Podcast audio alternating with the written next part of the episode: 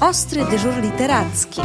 Podcast leczący alergie i nietolerancje czytelnicze. Prowadzi Agnieszka Karpszymańska. Dzień dobry. Kontynuujemy naszą wyprawę szlakiem niezwykłych, niezależnych księgarni. Tym razem witam Was z Poznania i zapraszam do księgarni Bukowskiej. Jest ze mną pani Monika Wójtowicz. Dzień dobry, pani Moniko. Dzień dobry, bardzo mi miło. Pani Moniko, księgarnia Bukowskiej mieści się w najprawdziwszym zamku, więc ja sobie pozwolę na takie trochę przewrotne pytanie na początek. Czy w pani jest więcej z księżniczki, czy ze smoka? Ojejku, trudne pytanie. Myślę, że to są takie dwa wilki, które gdzieś tam e, na zmianę przechylają się na jedną lub na drugą stronę, także trudno określić, bo oczywiście są jakieś takie albo takie dni, albo takie dni, więc to się gdzieś tam Czyli można e, być trochę księżniczką, a trochę smokiem w tych czasach już. Ja myślę, że nawet należy i że żadnej księżniczce nie zaszkodzi trochę cech smoka, a żadnemu smokowi trochę cech księżniczki. A no właśnie, a ja e, skorzystam oczywiście z tej okazji i pod pretekstem tego pytania e, zarekomenduję książkę Grzegorza Kazdebka Ja nie chcę być księżniczką, gdzie rzeczywiście mała dziewczynka nie bardzo miała ochotę przebierać się w sukienki, a w e, zabawie przyjmowała coraz to inne role. Pani Moniko, jak to jest z takimi współczesnymi dziewczynkami? Bo one chyba już nie wszystkie koniecznie chcą książki o księżniczkach, ale też te książki o księżniczkach są zupełnie inne, albo bywają zupełnie inne niż dawniej. Tak, to prawda. To, to trochę się już zmieniło, że to nie jest ta księżniczka, która siedzi w najwyższej wieży w wielkim zamku i czeka, aż jakiś książę przybędzie ją uratować. Myślę, że dziewczynki teraz chcą być sprawcze i nawet jeśli chcą być księżniczkami, to po to, żeby rządzić, a nie Mhm. gdzieś tam no właśnie. stać z boku i ładnie wyglądać. Także te książki też się zmieniają bardzo pod tym kątem. I właśnie ostatnio jest taki duży boom na przypisywanie historii księżniczek pod kątem e, sprawczości tych księżniczek. No, że one są takie nie do końca grzeczne, chociaż tutaj ja nie przepadam za tym słowem, bo to jest takie troszkę wprawianie dziewczynek w jakieś określone społeczne ramy, które je często blokuje.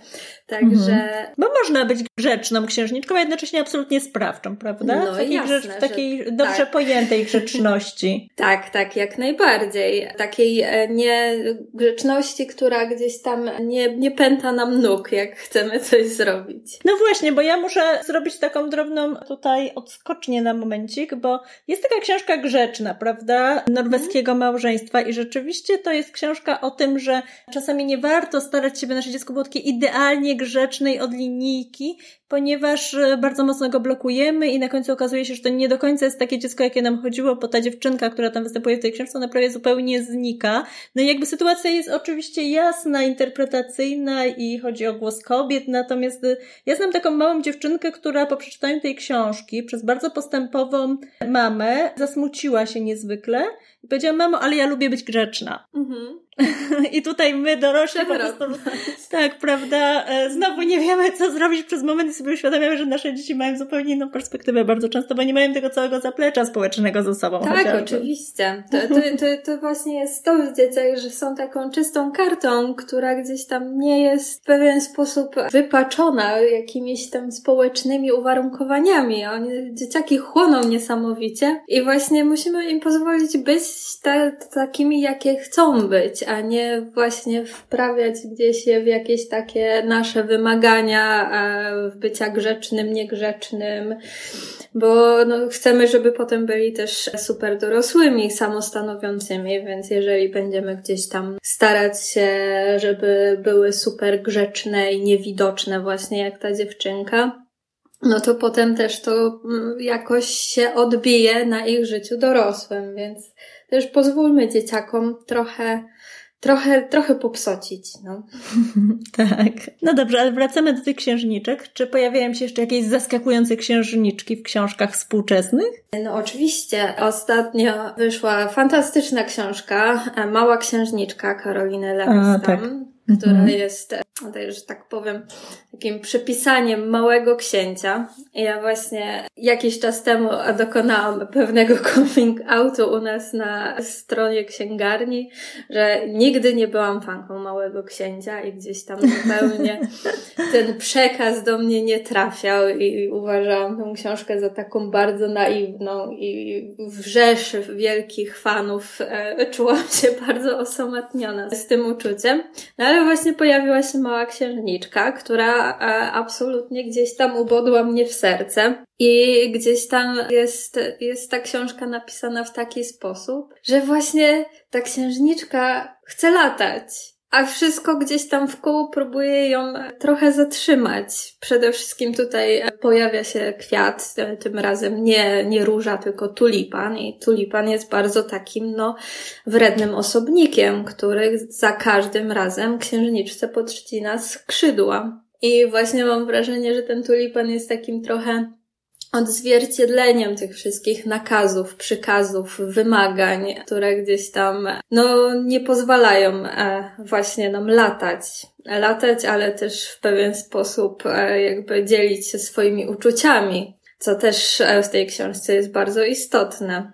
Także jest to absolutnie świetna mała księżniczka, pełna werwy i, i w końcu udaje jej się osiągnąć swój cel, co jest e, pięknym, pięknym jakby zakończeniem historii. Tak, ja miałam przyjemność rozmawiania z panią Karoliną bezpośrednio po premierze tej książki i rzeczywiście ona się mocno odżegnywała od takiego, takiej interpretacji stricte feministycznej. Mhm. E, ona najzwyczajniej w świecie, gdy była mała, e, miała wpojone wszystkie te wartości, które w Małym Księciu są i generalnie, które były wartościami tradycyjnymi i w pewnym momencie dojrzała do mm, takiego świadomego osądu, że one jej pewnego rodzaju krzywdę zrobiły w życiu. Mhm czy nie pozwoliły wystarczająco szybko podjąć decyzji, które powinna podjąć. I pisząc tą książkę, zrobiła trochę takie rozliczenie same z sobą, ale jednocześnie dedykowała ją kobietom po prostu, bo może nie wszystkie potrzebują jej, ale są takie, które potrzebują bardzo, więc ona jest i dla małych, i dla mhm. dużych księżniczek tak, i rzeczywiście może być też fantastycznym, to prawda,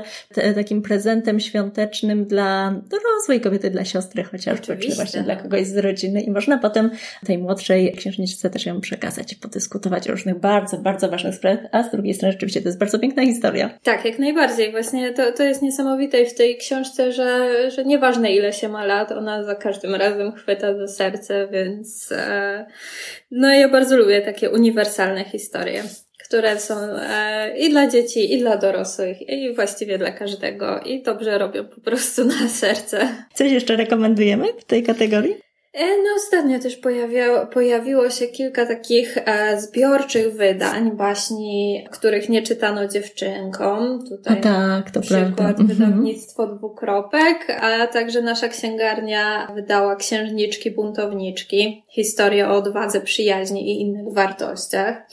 Także tutaj od razu już widzimy, że te, te dziewczyny są takie, no, mają swój cel i, i są sprawcze i chcą robić dobro i to jest, to jest super. A ja Państwu jeszcze bardzo serdecznie chciałabym polecić taką książkę, która nie jest już nowością, ale pewnie też Pani Monika ją zna. Anna Onichimowska jakiś czas temu wydała książkę Wędrówka. I to jest książka z przepiękną ilustracją Szymanowicza. Jest taka bardzo ciepła, miła ta ilustracja, bardzo dziecięca i bezpieczna, tak. jeżeli ktoś się boi bardziej artystycznej wersji e, ilustracji dziecięcej.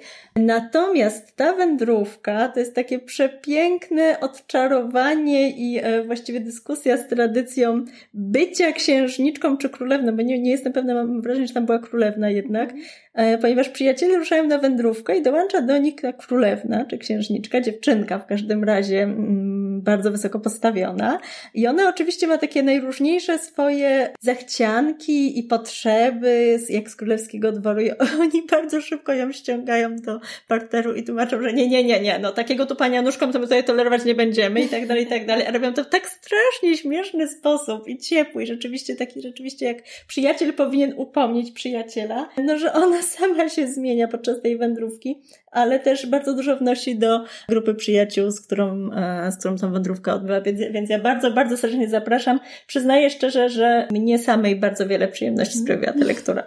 Tak, no właśnie to jest niesamowite w książkach dla dzieci, że nieważne ile się ma to i tak gdzieś tam ruszają serducho. No tak, to prawda. No dobrze, Pani Monika, ale mówimy o dziewczynach, a co z chłopakami? Bo ja mam wrażenie, że dziewczynki jako czytelniczki są lekko uprzywilejowane, bo w ostatnim czasie bardzo wiele się właśnie im poświęca uwagi. Powstaje cały nurt taki girl power, powstają faktycznie przy, przepisane niejako fabuły, powstają książki, które mają dodać im otuchy, które mają e, wzbudzić w nich właśnie taką e, świadomość siebie. Natomiast czy widać jakieś trendy w tych pozycjach, które mają tego męskiego, chłopięcego odbiorcę wpisanego, czy o chłopcu też się tak dużo mówi w literaturze dziecięcej? Hmm, no tak, dziewczyny zdecydowanie, e, no powiem, rządzą w literaturze no ostatnio, tak. E, ale trzeba przyznać, że no to jest e, jakby pewna odpowiedź na ich bardzo długą nieobecność. Także mm -hmm. tutaj e, zdecydowanie e, dziewczynom się należy i należą się te wszystkie historie i książki o superbohaterkach. Jeśli chodzi o chłopców, no to na pewno, e, na pewno poświęca się chłopakom uwagę e, pod kątem takiego odejścia trochę od maczystowskich wzorców. Aha. E, ja tutaj gorąco polecę e, książki Stuarta Scotta, e, wydane przez wydawnictwo Znak Emoticon. To jest Mój cień jest różowy i jak być prawdziwym mężczyzną.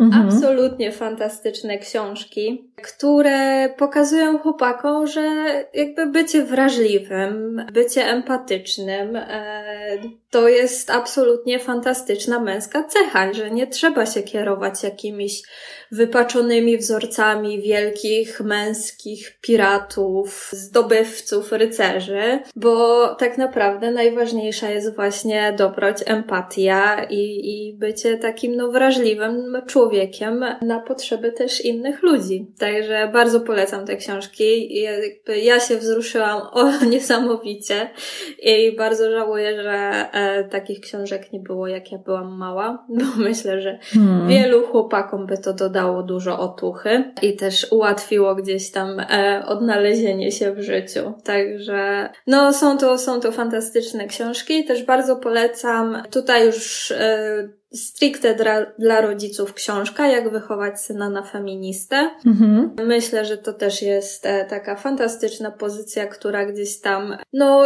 nie wpędza chłopaków w takie wzorce właśnie maczystowskie, które gdzieś tam są też formą opresji dla nich samych i mhm. blokują e, w nich e, takie, taką możliwość wyrażania siebie. I właśnie ta książka pomaga rodzicom zrozumieć, żeby, żeby tych chłop tym chłopakom dać e, gdzieś tam przestrzeń na to, żeby być właśnie wrażliwymi, empatycznymi ludźmi. Mm, bardzo się cieszę, że takie rzeczy powstają.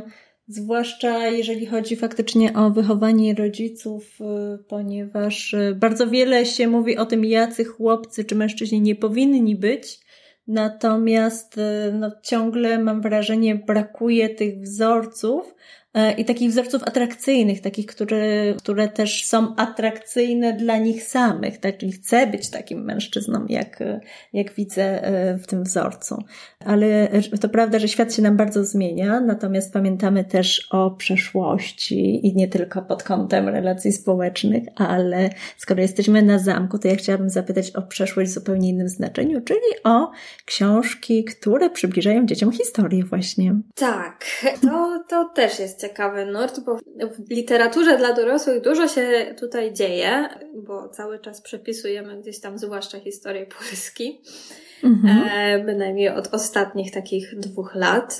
No właśnie, a jeśli chodzi o dzieciaki, no to myślę, że tutaj też jest bardzo dużo fantastycznych książek, które właśnie pokazują historię taką, taką troszkę inną. W, też w bardzo zabawny sposób. Właśnie y, ostatnio się zachwyciłam książką e, Brud e, z wydawnictwa Dwie Siostry. O, jak wspaniale, że Pani o tej wspomniała. Tak. Byłam bardzo ciekawa, co Pani nam e, podsunie jako rekomendacja. Rzeczywiście Brud Piotra Sochy. To jest też taka książka, która znowu nadaje nam się znakomicie na prezent. W ostatnim momencie możemy pędzić do księgarni i ją kupić. Będą wszyscy bardzo szczęśliwi, chyba nie tylko maluchy. Tak, dokładnie. I jest to absolutnie doskonała książka. Jest bardzo zabawna. Ilustracje są doskonałe. Po prostu nieraz e, przeglądając tę pozycję naprawdę buchałam śmiechem. I właśnie pokazuje nam historię od tej brudnej strony. I kurczę, mm. jak to tam wszystko wyglądało. No i no, nie zawsze każdy miał prysznic w domu i mógł sobie szorować e, całe ciało codziennie. Także super zabawna historia, e, właśnie przybliżająca taki kurczę, troszkę niepopularny temat w gruncie rzeczy, ale ja bardzo, bardzo polecam, bo to jest naprawdę świetna gratka i dla dużych, i dla małych. No prawda, a poza tym dzieci lubią się brudzić, prawda? Tak, to prawda i też warto pozwalać im się trochę pobrudzić, bo to przecież nie jest nic złego, nie musimy chodzić cały czas tacy wypucowani. E, a z książkami historycznymi, czy książkami przybliżającymi różne zakamarki historii jest tak, że one potrafią uruchomić w dziecku takie prawdziwe zainteresowanie dawnymi czasami, które później przeradza się w prawdziwe zainteresowanie e, nauką w szkole tej historii. I szczególnie ważne jest to, żebyśmy sobie tego nie zepsuli w pewnym momencie, bo od tych księżniczek się zaczyna zamków, koni, rycerzy, tych bajecznych czasów, czasami również smoków, ale prawda jest taka, że te zamki stoją dalej. Te zamki są pamiątką odległych czasów, ale też bardzo ciekawych czasów i bardzo ciekawych historii i właśnie w tym pomagają nam autorzy książek dziecięcych, e, by te historie zakiełkowały i by wyrosło z nich coś absolutnie pięknego. No ale dobrze, skoro w takim razie my już e, tak dużo powiedzieliśmy o historii, o zamkach, to ja mam takie pytanie na deser, za które podziękują mi chyba wszystkie dzieci. Zamki to też duchy, prawda, Pani Moniko? No jasne, każdy, każdy zamek ma swojego ducha. A czy u Was jest jakiś duch? o, oficjalnego chyba jeszcze nie poznałam, ale jest tam na pewno dużo, dużo duchów. Tak. Nie przekłada książek z półek z półki na półkę na przykład? A to takie skrzaty też się zdarzają. Albo kartkuje na przykład, tak, albo tak. jeszcze coś innego, bo to ja myślę, że taki duch, który mieszkałby w zamku u was właśnie, e, miałby naprawdę bardzo piękne życie, bo miałby taką znakomitą księgarnię, w której mógłby się zaopatrywać albo Ale przesiadywać, oczywiście. kiedy nie ma wtedy klientów wieczorami, nocami. Tak, i w ogóle wiele pięknych e, wnętrz i w ogóle nasz zamek jest trochę takim e, tutaj poznańskim Hogwartem, mm-hmm. że duchy, czary, to jest jakby to miejsce jest idealne na takie rzeczy. Także tak, no, duchy, duchy jakieś na pewno są. Myślę, że warto się udać kiedyś na jakieś nocne zwiedzanie zamku, to może wtedy się jakiegoś tam przyuważy kątem oka. No właśnie, ale spodziewam się, że macie też całkiem rozsądną e, kolekcję książek o duchach. Tak, no jeśli chodzi o duchy, no to mamy dużo takich duchów, które są takie, no czasami ślamazarne i na przykład tutaj warto wspomnieć e, pozycję wydawnictwa Zakamarki o duchu, który się bał, mm-hmm. albo duch w butelce. No i to są właśnie takie duchy, którym no nie, nie wychodzi za bardzo to straszenie, bo sami się trochę boją e, samych siebie, więc mm-hmm. jest, to, jest to takie oczywiście no przewrotne. E, ostatnio też pojawiła się bardzo fajna pozycja tutaj akurat dla takich starszych dzieci. Myślę, że takie 8-9 plus super pozycja. Miasto Duchów. Fabuła jest mhm. osadzona właśnie w Edynburgu, czyli takim bardzo, bardzo starym mieście. I tu autorka e, bardzo fajnie też oddaje, oddaje klimat tego miasta, e, w którym mieszka bardzo dużo duchów. No i główna bohaterka. Zdarzyło jej się, że tak powiem, po trosze umrzeć, e, gdy wpadła do rzeki. Mhm. I w pewien sposób przez ten incydent e, przekroczyła taką granicę między, między życiem a śmiercią i od tamtej pory jej najlepszym przyjacielem jest właśnie duch, z którym ma bardzo fajną relację i jest taka dosyć zabawna, że ten duch czasami się pojawia, czasami znika w bardzo takich nieoczekiwanych momentach, ale zawsze jest dla niej wielkim wsparciem i niejednokrotnie ją ratuje z różnych opałów. No i właśnie bohaterka w tym Edynburgu, co jest zabawne, ma też e, rodziców, którzy to, że są poszukiwaczami duchów i kręcą filmy o. paradokumentalne na ten temat. Mhm. Także to też jest bardzo fajny kontekst całej historii.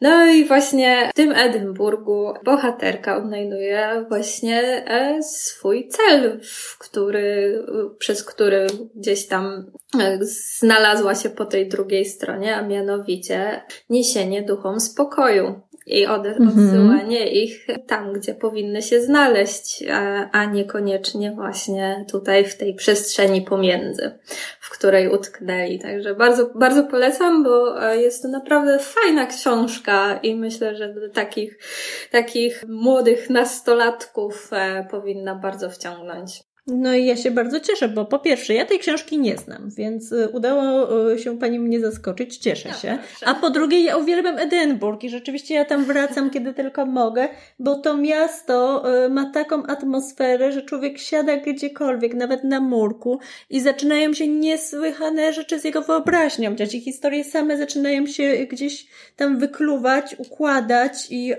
no bardzo ciężko później wrócić do normalnego świata, bo ja się w ogóle nie dziwię, że tam powstał Harry Potter, czy fragmenty Harry'ego Pottera, tak, bo tak. tam wszystko, naprawdę wszystko, każdy zakątek wygląda tak, jakby był zupełnie z innego świata, ale też absolutnie pięknego. Jest niesamowicie spójne to miasto, niesamowicie pozytywne, ale jednocześnie takie przenoszące nas do naszego własnego wewnętrznego świata. Co tam w środku mamy, to już jest zupełnie inna kwestia. Jeżeli komuś się marzą właśnie przygody z duchami, to na pewno ono bardzo tym zakresie pomoże. No ale my cały czas tutaj się lekko uśmiechamy i bardzo pozytywna nie ta rozmowa się toczy, a tu przecież o duchach mowa. Jakieś takie mało straszne te książki. Czy to oznacza, że, że książki o duchach um, nie są straszne? Że, są, że można się przy nich pośmiać? E, znaczy, no, czy są straszne, to to zależy chyba od dziecka, bo, bo są takie dzieciaki, które gdzieś tam właśnie e, jak zaczynają czytać Harry'ego Pottera, to oczywiście jest taki bardzo straszny i, i gdzieś tam muszą jednak trochę podrosnąć, a są takie, które nie, one się niczego nie boją, jakby nawet pięciolatki, co tam duchy, co tam jakaś śmierć, e, jakieś straszydła, potwory, e, nic ich tam nie interesuje, więc to myślę, że, że jest kwestia e, bardzo indywidualna, jeśli chodzi o, o dzieci. Czy one są straszne? One są trochę straszne. To znaczy, z mojej mhm. perspektywy, e, osoby, która się naczytała całą masę różnych e, książek e, właśnie za dzieciaka, strasznych, o duchach, jakiejś historii, fantazy i, i w ogóle dużo, dużo tego, no to ja już jestem trochę zaprawiona i po prostu gdzieś tam mnie to, mnie to już bardziej bawi i gdzieś tam mam takie, wyłapuję takie mrugnięcia okiem e, niż straszy, ale myślę, że właśnie dla, dla tych e, 8-9-latków ta książka może być momentami taka aż przerażająca. Zwłaszcza jak mają bujną wyobraźnię.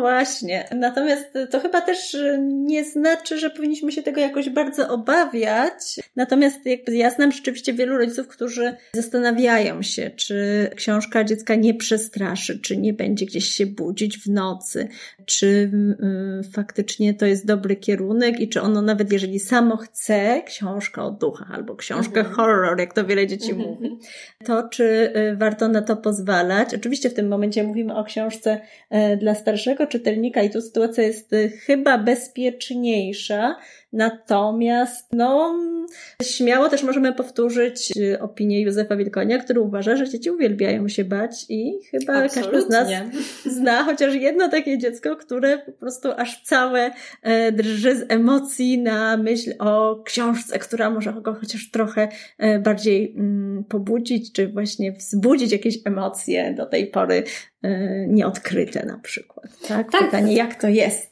Oczywiście, jakby e, ja uważam, że strach jest bardzo ważny w ogóle w naszym życiu i to nie jest e, nic, czego powinniśmy się jakoś bardzo wystrzegać. E, strach często broni nas po prostu od sytuacji jakichś niebezpiecznych.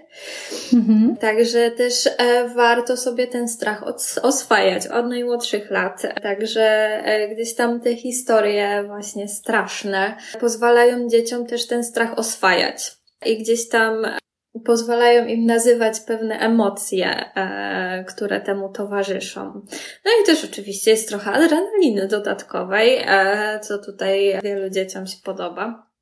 Mhm. E, także ja myślę, że zupełnie nie ma, nie ma się co bać e, takich strasznych historii. Trzeba, trzeba na pewno obserwować dziecko, jak ono reaguje na to, ale, ale tutaj myślę, że takie bycie przy dziecku i, i wspólne czytanie takich historii gdzieś tam e, gdzieś tam w pewien sposób je też właśnie oswoi z tym strachem i, i później pozwoli mu sobie lepiej radzić właśnie w jakichś takich trudnych sytuacjach później życiowych. Mm, to prawda.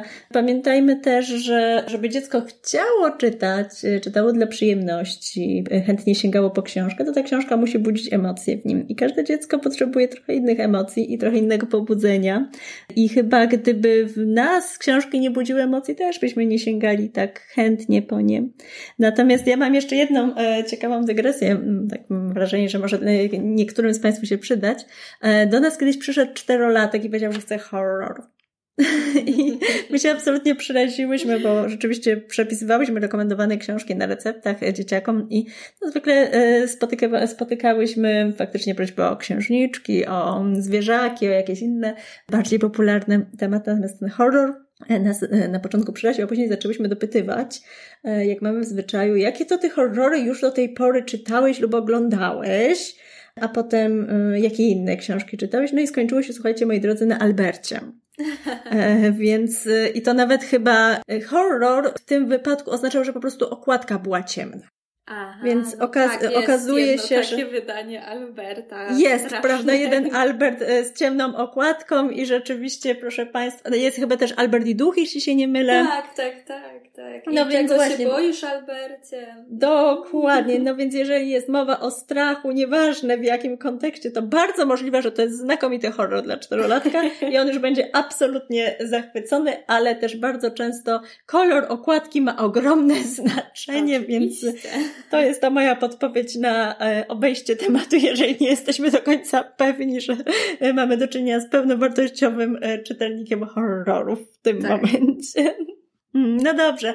Pani Moniko, na koniec, jeżeli ktoś nie jest przekonany do emocji takich właśnie związanych ze strachem, które znajduje w książkach, to pewnie jakieś inne emocje może znaleźć, ale czego jeszcze szukają w książkach? Współczesne dzieci? Czego szukają? Przygody, myślę. To jest chyba najważniejsze i, i mam wrażenie, że to się nigdy nie zmienia, bo każda lektura to jest jak przeżycie jakiejś odrębnej przygody i, i to jest najfajniejsze, że można być w różnych miejscach, odkrywać różne niesamowite krainy, tutaj trochę się bać, a tutaj trochę się śmiać i po prostu każda książka to, to jest nowa przygoda, więc e, chyba to gdzieś już tak od, od dawien dawna po prostu e, skłania dzieciaki do czytania. Mnie bynajmniej mhm. zawsze, zawsze właśnie ta przygoda trzymała najbardziej i po prostu każda książka była jakąś wielką podróżą i, i odkrywaniem nowego świata. Także to, to jest w tym wszystkim najfajniejsze. Mm, to prawda. Myślę, że otrzymaliśmy właśnie potężną podpowiedź dla rodziców, dziadków i wszystkich innych, którzy jeszcze kompletują świąteczne prezenty. Pięknie dziękuję za wszystkie rekomendacje i zapraszam do księgarni Bukowskiej, księgarni na zamku. Dziękuję pięknie Pani Moniko. Dziękuję. Ja również bardzo, bardzo e, dziękuję za rozmowę. Było mi bardzo miło i, i również zapraszam do księgarni. Na pewno pomożemy e, w doborze dla każdego, bez względu czy to ma być horror e, dla czterolatka, czy, czy coś innego. Nie boicie się żadnych wyzwań. Absolutnie. A w razie czego nawet duch może pomoże. Dziękuję pięknie. Do widzenia. Dziękuję, do widzenia. Podcast zrealizowany w ramach projektu Ostry dyżur literacki, podcast z księgarni niezależnych. Dofinansowano ze środków Ministra Kultury, Dziedzictwa Narodowego i Sportu, pochodzących z Funduszu Promocji Kultury.